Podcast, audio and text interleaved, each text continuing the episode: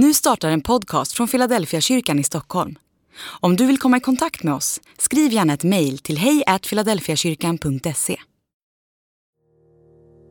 Idag ska jag fortsätta i Markus evangeliet och vi ska läsa några verser i slutet av kapitel 3.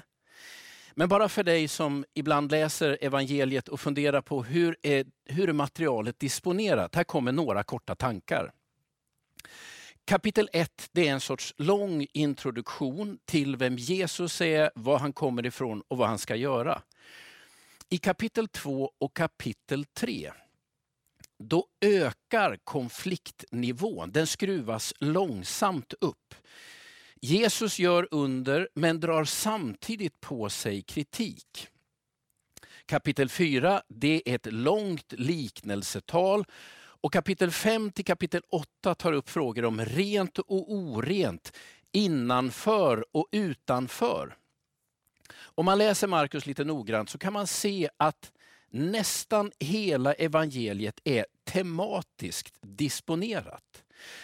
Och när vi nu dyker in i de sista verserna i det tredje kapitlet, då befinner vi oss liksom i finalen på kapitlerna som beskriver hur konflikten mellan Jesus och företrädesvis fariseerna, hur den ökar. Så när vi nu läser så ska du tänka, att det här handlar om konflikter. Och även om det nu är fariseerna och Jesus och delvis hans familj, så tror jag att du liksom jag, liksom alla har referenser till vad konflikter gör med oss, hur det påverkar oss. Så nu läser vi ifrån Markus kapitel 3, vers 20 till 30. Följ med mig. När Jesus kom hem samlades folket på nytt så att han och lärjungarna inte ens kom åt att äta. Hans anhöriga fick höra det och gav sig iväg för att ta hand om honom.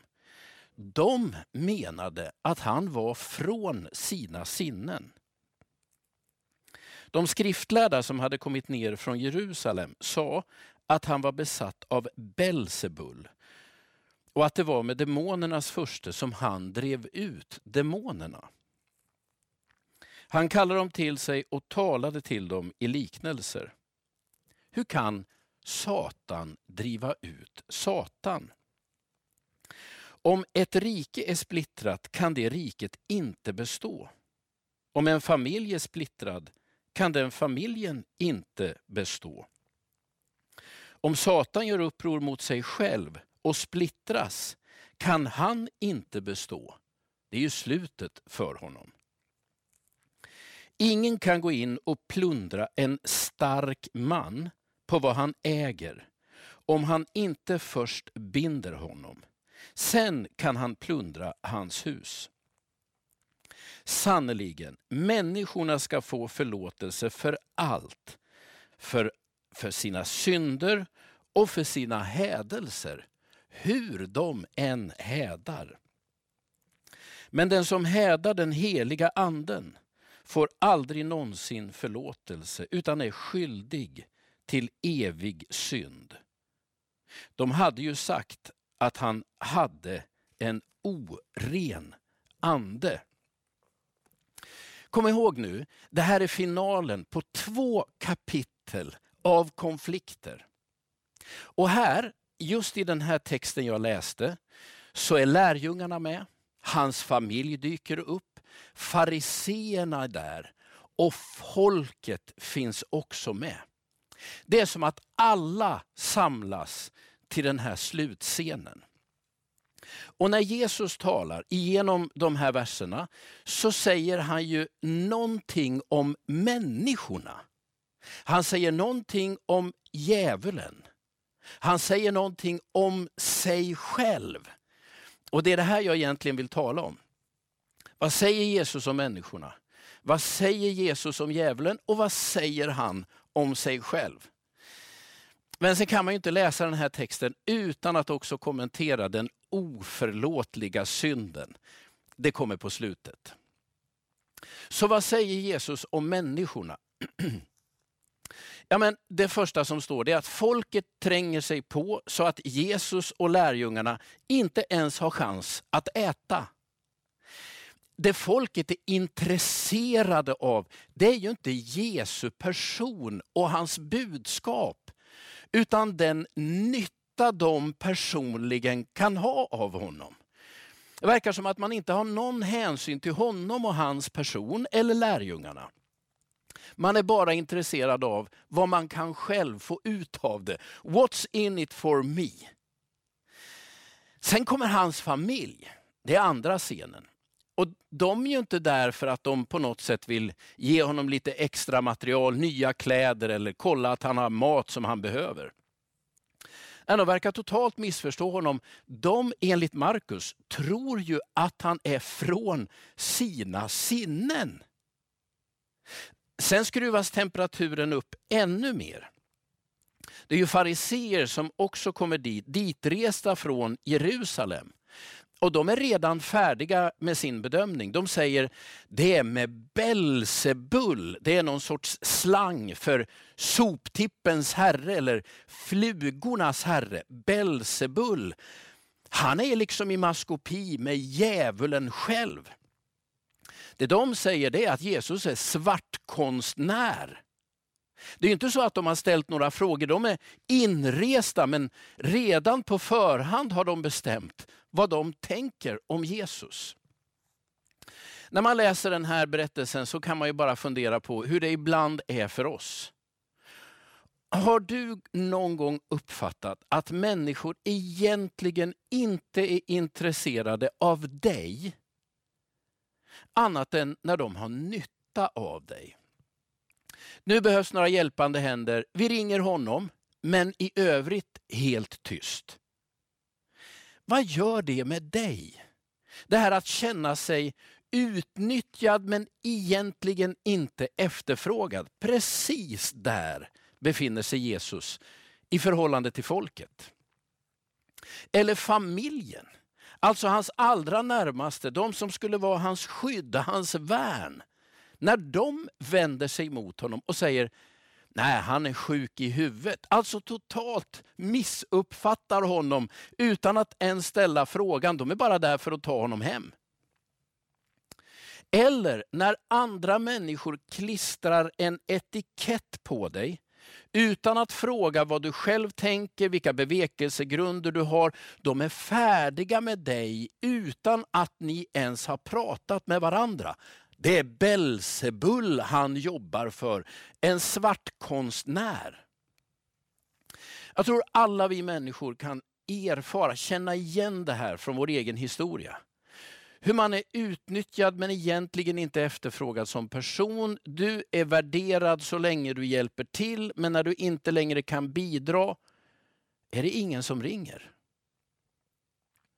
Eller när de som är dig allra närmast, om du skulle kunna luta dig emot, hela tiden misstror dig och undergräver tryggheten. Eller när andra människor limmar etiketter på oss utan att ens föra ett samtal med oss. Det här är vad Jesus är utsatt för och jag vill bara att du själv ska se det här för jag tror att alla kan vi referera till exakt sådana här erfarenheter.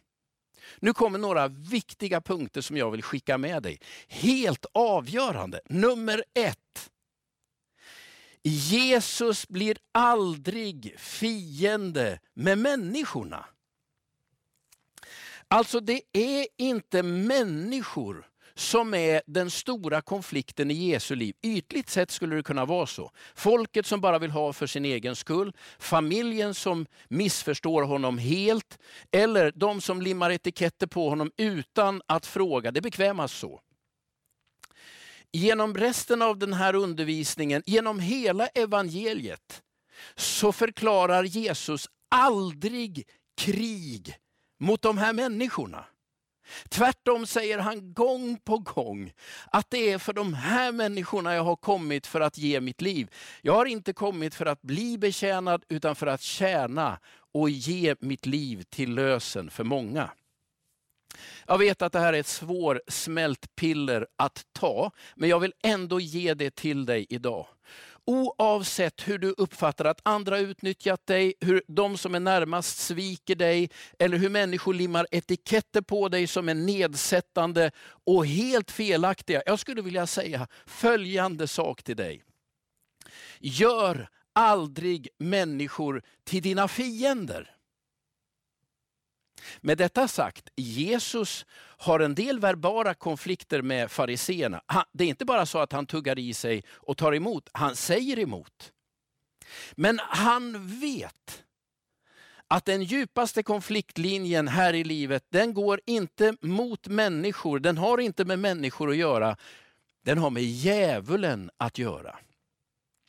Paulus är lite inne på detta. I Efesierbrevet kapitel 6 och vers 12 säger han Det är inte mot varelser av kött och blod vi har att kämpa, utan mot härskarna, mot makterna, mot herrarna, mot denna mörker, över denna mörkrets värld. Mot ondskans andekrafter i himlarymderna. Alltså det Bibeln säger, jag vill bara ge dig detta, det är att det aldrig är människor av kött och blod som är de yttersta fienderna. Även om det är människor som gör livet besvärligt för oss, så är det faktiskt inte dem det handlar om. Det här är så tydligt genom hela evangeliernas berättelse. Även om Jesus är missförstådd, misstolkad, får etiketter klistrade på sig och till sist blir mördad av människor, så är de aldrig hans yttersta fiender. Det är någon annan. Så låt mig bara ge dig detta. När du missförstådd sitter och känner dig besviken på andra människor, tänk ett varv till.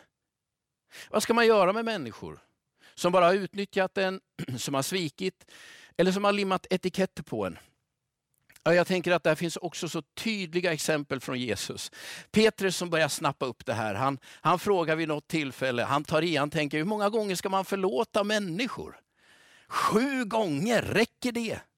Och då tror jag att han tänker att han har tagit i till bristningsgränsen. Och då säger Jesus, nej, sju gånger 70 gånger.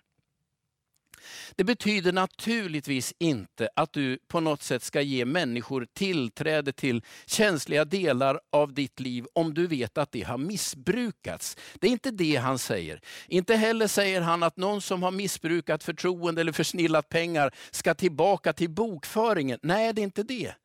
Men han säger att för alla människor finns det en andra chans, en tredje chans, en fjärde chans och så vidare i det oändliga. Därför att det djupa sett är inte människor som är dina fiender eller dina problem. Och då är vi inne på den andra punkten. Vad säger Jesus om djävulen? Jag minns när jag ledde alfakurser, det är några år sedan nu. Och vi hade en man, han var väl i 55-60 års åldern aldrig varit i kyrkan sedan sin konfirmation och så bestämmer han sig för att gå alfakurs. Under den här alfakursen så börjar han få tag i tron på Gud. Han börjar förstå vem Jesus är, att Jesus bara inte är ett exempel och en människa, Gud själv i mänsklig gestalt. Och han börjar till och med förstå detta med den helige ande. Men en av föreläsningarna i alfakonceptet handlar om det onda. Och då slocknar ljuset i den här mannens blick och så säger han så här att alltså, nu har jag äntligen börjat tro på Gud, jag börjar förstå vem Jesus är och den heliga Ande. Nu räcker det. Ska, ska jag tro på en djävul också? Nej, låt mig säga, du ska inte tro på djävulen på samma sätt som du tror på Gud.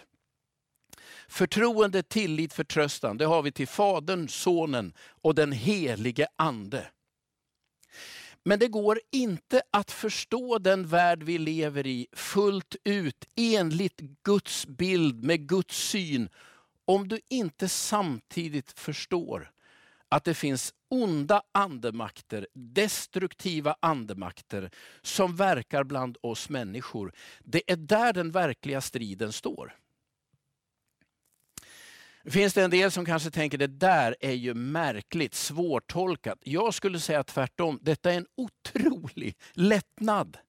Vet du, jag som faktiskt har insett att det finns onda andemakter.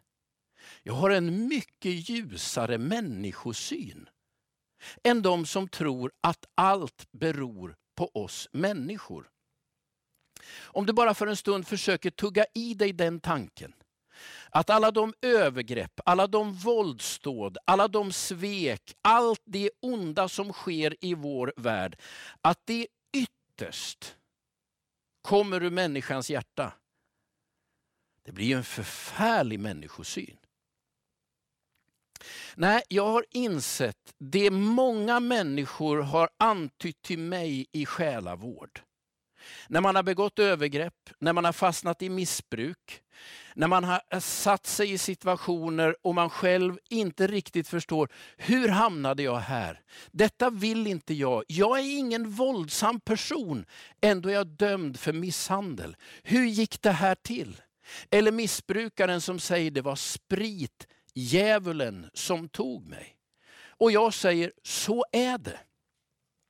Det vill säga för människor som ibland går över gränser och bryter tabun som de själva är helt övertygade att man inte ska bryta och ändå gör de det. Det finns en sån lättnad att kunna bekräfta att du var lurad, du var bedragen. Det var onda andemakter som kidnappade dig. Avsvär dig detta och låt Jesus sätta dig fri. Det är som att människor hittar det goda i sig själv igen. Nej, det var inte jag, jag var inte där. Samtidigt som jag säger detta så vill, jag, så vill jag säga det andra. Det är ju inte så att du ska använda djävulen som ursäkt i alla lägen när du inte gör det du ska. Nej, det var inte jag, det var djävulen. Nej, nej, nej. Försök inte med den. Du har fått ett gudomligt mandat att ta ansvar för ditt liv och dina handlingar. Det kan du aldrig avsvära dig. Skyll inte på djävulen för att du själv inte har gjort det du ska. Lär dig att be om ursäkt, be om en ny chans, säg förlåt, jag missade. Men det finns extrema situationer, det är detta jag vill peka på. I konflikter, i svåra utsatta lägen, då människor korsar gränser som egentligen är helt oacceptabelt att korsa i deras egen sinnevärld. Ändå gör man det. Varför? Därför att onda andemakter ibland infiltrerar för att sabotera för oss människor. Jag vill bara peka på vad Jesus kallar djävulen. Han kallar honom Satan. Det är hebreiska och betyder åklagaren. Det vill säga att du ska veta att det Jesus beskriver som djävulens överordnade strategi är anklagelse. Och då kan jag direkt säga att några av er som lyssnar på mig just nu, ni sitter med ständiga självförberåelser. ständiga anklagelser. Ni tycker att ni aldrig duger. Det är någon som hela tiden undergräver all självtillit. Delvis kan det bero på den uppväxt ni har fått, föräldrar som kanske inte bekräftade eller älskade tillräckligt. Erfarenheter genom livet är nära och kära som ni ville lita på svek er. Vi kan alla lägga det pusslet, men jag skulle vilja säga att det finns en komponent till som förstärker den misstro många har gentemot sig själv.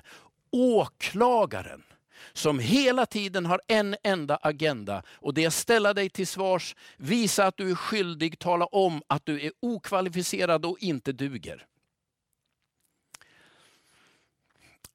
Det är djävulens strategi. Och det är klart, både du och jag har hört den rösten i våra liv. Och då är jag framme vid min tredje punkt och det är det Jesus säger om sig själv.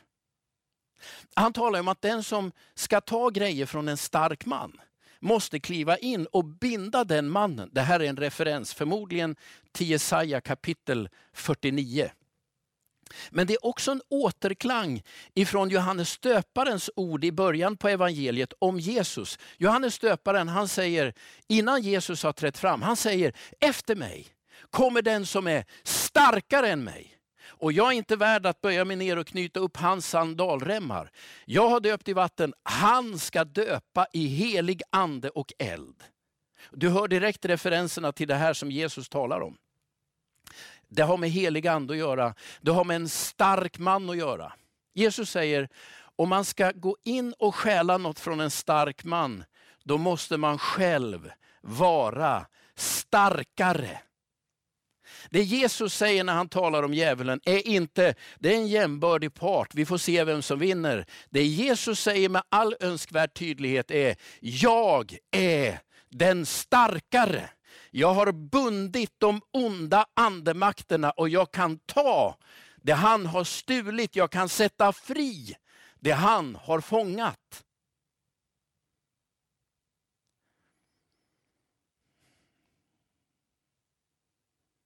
Du som lever med rösten, som hela tiden förklarar dig oduglig, som är någon sorts dubbelförstärkning av det andra människor möjligen har sagt in i ditt liv. Klistrat etiketter på dig, utnyttjat dig utan att bry sig om dig. finns en röst bakom alla dessa röster som förstärker och förklarar för dig att du inte duger. En åklagare viskar ständigt i ditt öra att du inte räcker till.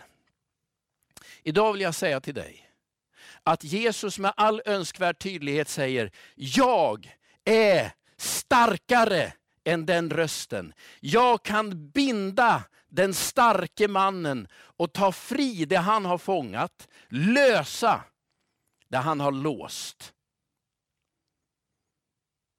Nej, djävulen och Jesus är inte på samma planhalva överhuvudtaget. Det är inte två jämbördiga krafter. Jesus säger, jag är den starkare. Johannes döparen säger, det efter mig kommer den som är starkare.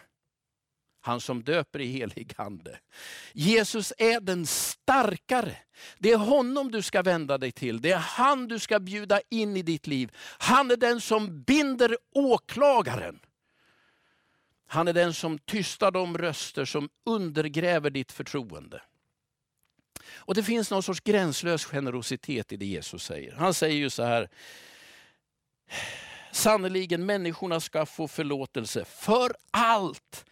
För sina synder och för sina hädelser.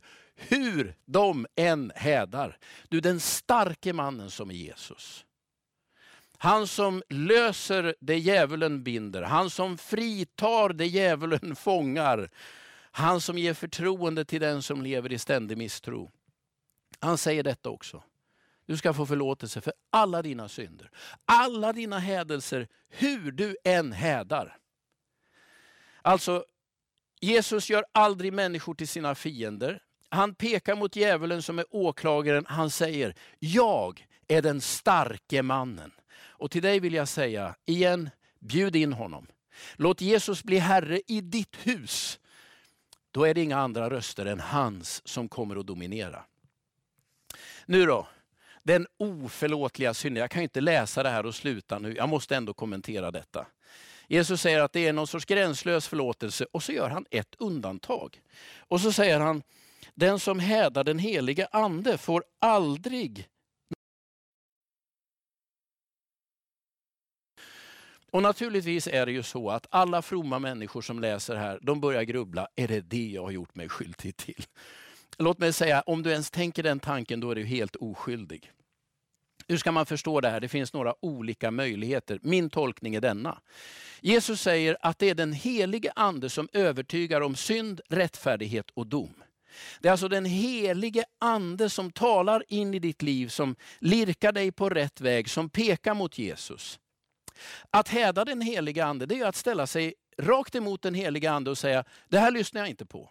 Och det som händer då är ju att du stänger dig själv ut som leder dig rätt, anden som för dig till Jesus, anden som på något sätt talar sanningen om synden. Djävulen talar lögnen om synden. Djävulen har inget annat intresse än att du ska känna dig anklagad, misslyckad, förbrukad och för evigt förtappad. Men Jesus säger ju, nej det är en gränslös förlåtelse. Vad du än har hädat, det är fullständig förlåtelse. Och så gör han ett undantag. Om du hädar mot den heliga ande, du vet, då stänger du dörren. Varför säger han det? Jo, därför att det är anden som drar i dig och leder dig till den gränslösa förlåtelsen. Och om du då spjärnar emot, ja, då stänger du dig själv ute. Det är ungefär som att tänka att att allt vatten är slut, finns bara en vattenflaska kvar. Men om du säger att den här vattenflaskan den är förgiftad, då dömer du dig själv att dö av törst. Så vad gör man om man har stått emot den heliga Ande? Mitt enkla råd är, sluta. Lyssna till den heliga Ande. Låt Anden leda dig till Jesus. Låt Jesus bli den starke mannen i ditt liv. Låt Jesu röst tala, tala emot och få tyst på åklagaren i ditt liv. Finns det någon väg tillbaka om man har hädat den heliga Ande? Ja, omvänd dig. Börja lyssna. Men fortsätter du att stå emot den heliga Ande, ja då stänger du dig själv ute. Så enkelt tolkar det. Jag tolkar det inte som att det är något enstaka uttalande som man gör i stundens hetta mot Gud, Jesus eller den helige Ande. Och det är väl lika bra att säga, så föreståndare i Philadelphia församlingen jag är, i mina mest förtvivlade stunder har det hänt att jag har använt kraftfulla förstärkningsord mot Gud och hans rike. Får jag förlåtelse? Självklart. Får du förlåtelse? Självklart. Men när den heliga ande börjar dra i dig, låt då ditt hjärta lyssna. Ly när du nu sitter hemma och hör detta och du inser, Gud kallar mig, lyssna då. Du som vet att det är djävulen som har stulit ditt självförtroende, din självtillit. Det är inte människor. Du kanske har anklagat dem, varit rädd för folk, social fobi har tagit dig.